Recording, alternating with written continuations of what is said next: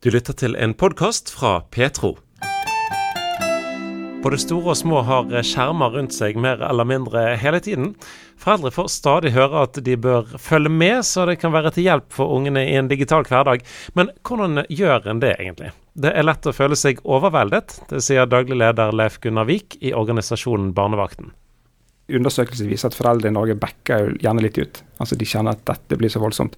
Og Undersøkelsene våre viser òg at det er relativt høyt konfliktnivå mellom barn og voksne i hverdagen eh, med spill eh, og regulering av medietiden. Så det, det, å få ned konfliktnivå, da er det jo lett at man bare backer det ut og sier OK, du får, du får spille den timen ekstra. Eller, OK, du skal få det Fortnite-spillet. Eller eh, vi, vi, tar det en annen gang. Vi, vi tar det til helgen. Eh, for at man skal kunne klare å komme gjennom hverdagen uten for mye konfrontasjoner. Ja, for der er du, kjenner meg litt igjen. Eh, for, for sjøl så sitter du med telefonen, og du skal svare på en del eh, meldinger i forbindelse med skolen, kanskje, i forbindelse med aktiviteter som ungene er med på. Kanskje du er med på noe styreverv, så må du svare på noen mailer eller et eller annet. Altså, Du kan ha mange gode grunner for at du sitter med telefonen der. Det, det er ikke bare for å scrolle gjennom et eller annet, men, men det er viktig arbeid du holder på med. Men det ser jo ikke ungene. De ser bare at du sitter med telefonen oppi nesa og holder på med et eller annet. Og så får ikke de holde på med, med sitt. Eh, så, så, du møter deg sjøl i døra ja, og da er det kanskje, ofte. Kanskje få litt struktur. Et mitt tips er kanskje få litt struktur på dagene. Det der med skjermfri måltid er jo et kjernetips som vi i barnevakten gjentar og gjentar. gjentar. Møtes til middagen, legger vekk skjermene. Vi har sånn at vi legger dem på et spesielt sted, alle telefonene får ikke ha det i lommen engang. Altså, ja, hva gjør du hvis det ringer, da? Nei, det er lydløst, og så uh, lar vi det ligge. Ja, men Tør du det? Det kan jo komme en viktig telefon? Ja, men altså Den, den telefonen kan jo bare vente, tenker jeg. Altså for mitt, fordi at jeg er nødt til å være forbilde. Hvis jeg tar telefonen, så vil jo ikke barna nødvendigvis eh, respektere. Så det, det, det voksnes forbilde, at voksne finner struktur for seg sjøl. Hvis man er, finner noen sånne strukturer, så de voksne sier at sånn har vi det i vårt hjem.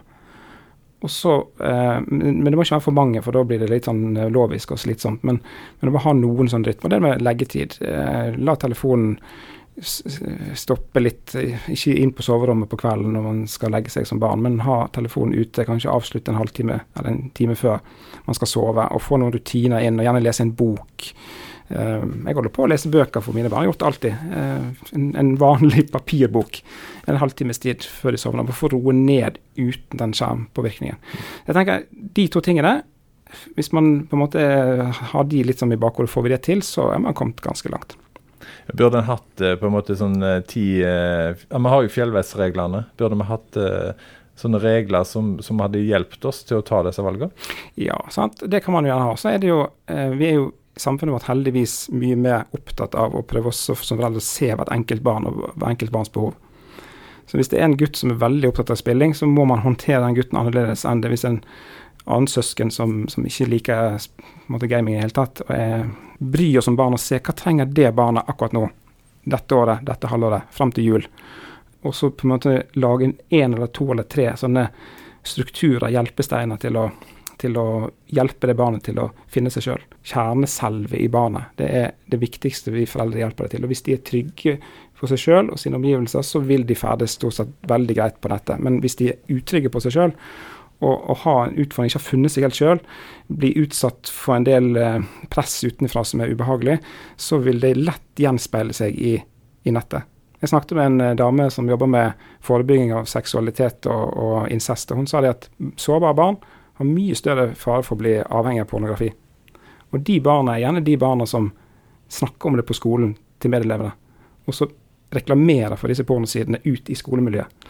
Så, så, det starter gjerne i en gruppe av barn som er utrygge og ikke helt trygge på seg selv. Så klarer vi som foreldre å tenke at det viktigste jobben jeg gjør, det er å gi, gi barna mitt en trygghet til at ja, jeg er verdifull, jeg er viktig. Jeg er et menneske som skal være i denne verden, og jeg skal på en måte gjøre godt mot meg sjøl, og jeg skal få lov til å være trygg i de omgivelsene jeg er. For det, det, verste er jo at hvis man ikke snakker sammen Politiet sier jo at gjerne de overgrepssakene som de oppdager, det er jo at kanskje 20-30-40 barn har opplevd ting. Og så er det den siste i rekken, 31., som tør å si fra til en voksen. Og når det først sier fra, så er det på en måte en lang rekke med negative ting som har skjedd.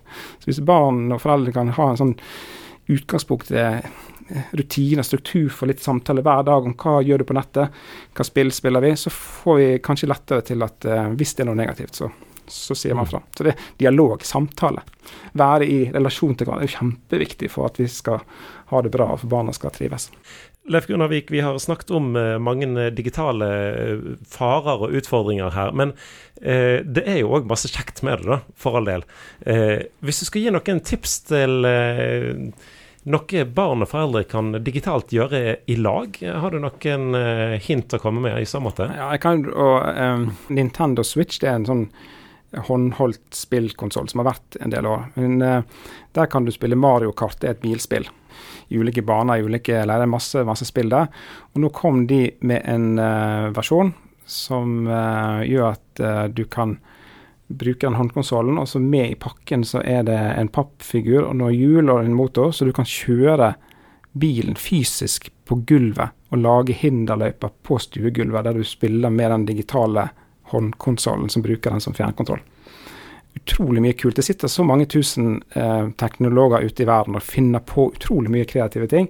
Eh, og lager ting som er så kult som bare det. Så det er jo, det er jo eh, snakk om på en måte kreativitet og mangfold som blomstrer i den digitale verden. Så prøver man å koble det digitale gjerne over til det fysiske. Og da blir det jo veldig spennende, for da er det plutselig flere som kan se. Da kan jo lillesøsteren eller bestemor sitte og se på den bilen som kjører rundt, og så kan andre få lov å prøve den digitale um, konsollen. Så kan man da etterpå koble om og sitte og spille på skjermen.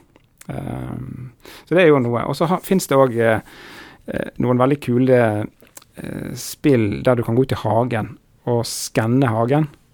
Ja? Du tar på en måte kamera og tar bilde av hagen din, og så skanner du hagen, og så kommer da all typografien inn på skjermen, sånn at du kan gå inn og sitte der og spille, og da er du din egen hage. så, det, så du lager på en måte en digital versjon av hagen din? Du lager en digital versjon, så spillet foregår i din egen hage. Da, da håper jeg det er ikke altfor mange zombier i det spillet. Ja, nei, det er sant, og så kommer det, kult. Men, men uh, det som er jo noe vi gjør når vi gir tips om hva man kan gjøre sammen som foreldre og barn, så er det jo kanskje å interessere seg litt for de samme spillene.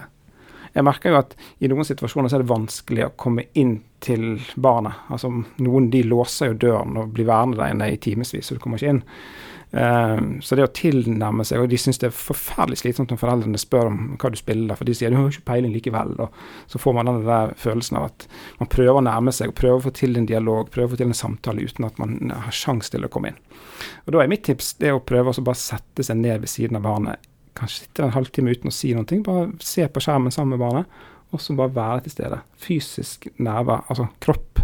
Ved siden av kan være far, sønn eller mor, datter eller noe sånt i en, en stund. Hvis det er mulig, så, så, er det noe med at den nærheten eh, skapes gjennom å være sammen. Og så er det ikke alltid at man trenger å si så mye. Det er jo én ting. Og så eh, har vi en eh, eh, veldig mye treff på nettsidene våre. Vi legger ut sånne lister over filmer som vi anbefaler å se i koronatiden og ellers. Det er å løfte fram de gode filmopplevelsene og bruke tid på de istedenfor å si, se dårlige filmer. Vi er hjemme har, har sett nå på alle Star Wars-filmene. Hele rekken.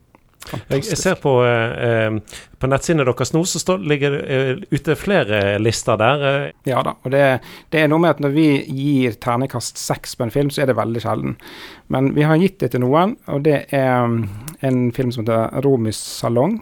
Det er Toy Story 4, Løvetannbarna, og så har vi eh, gitt seks til Innsiden ut. Det er en film som er brukt mye i skolen, for det handler om følelser. Gjenkjenning av følelser. Og så vår filmanmelder han er veldig fascinert av uh, japanske uh, filmer. Det er en liten sånn type animesjanger som, som ligger ute. Som, de har en måte å fortelle historier på i filmene som, som, er litt annerledes enn det vi er vant med i Norge. Men det er ganske komplekse historier der både voksne og barn kan få noe ut av det, og så få gode samtaler rundt det. Så der ligger det en liste over, over en tre-fire sånne filmer som har fått terningkast seks av oss.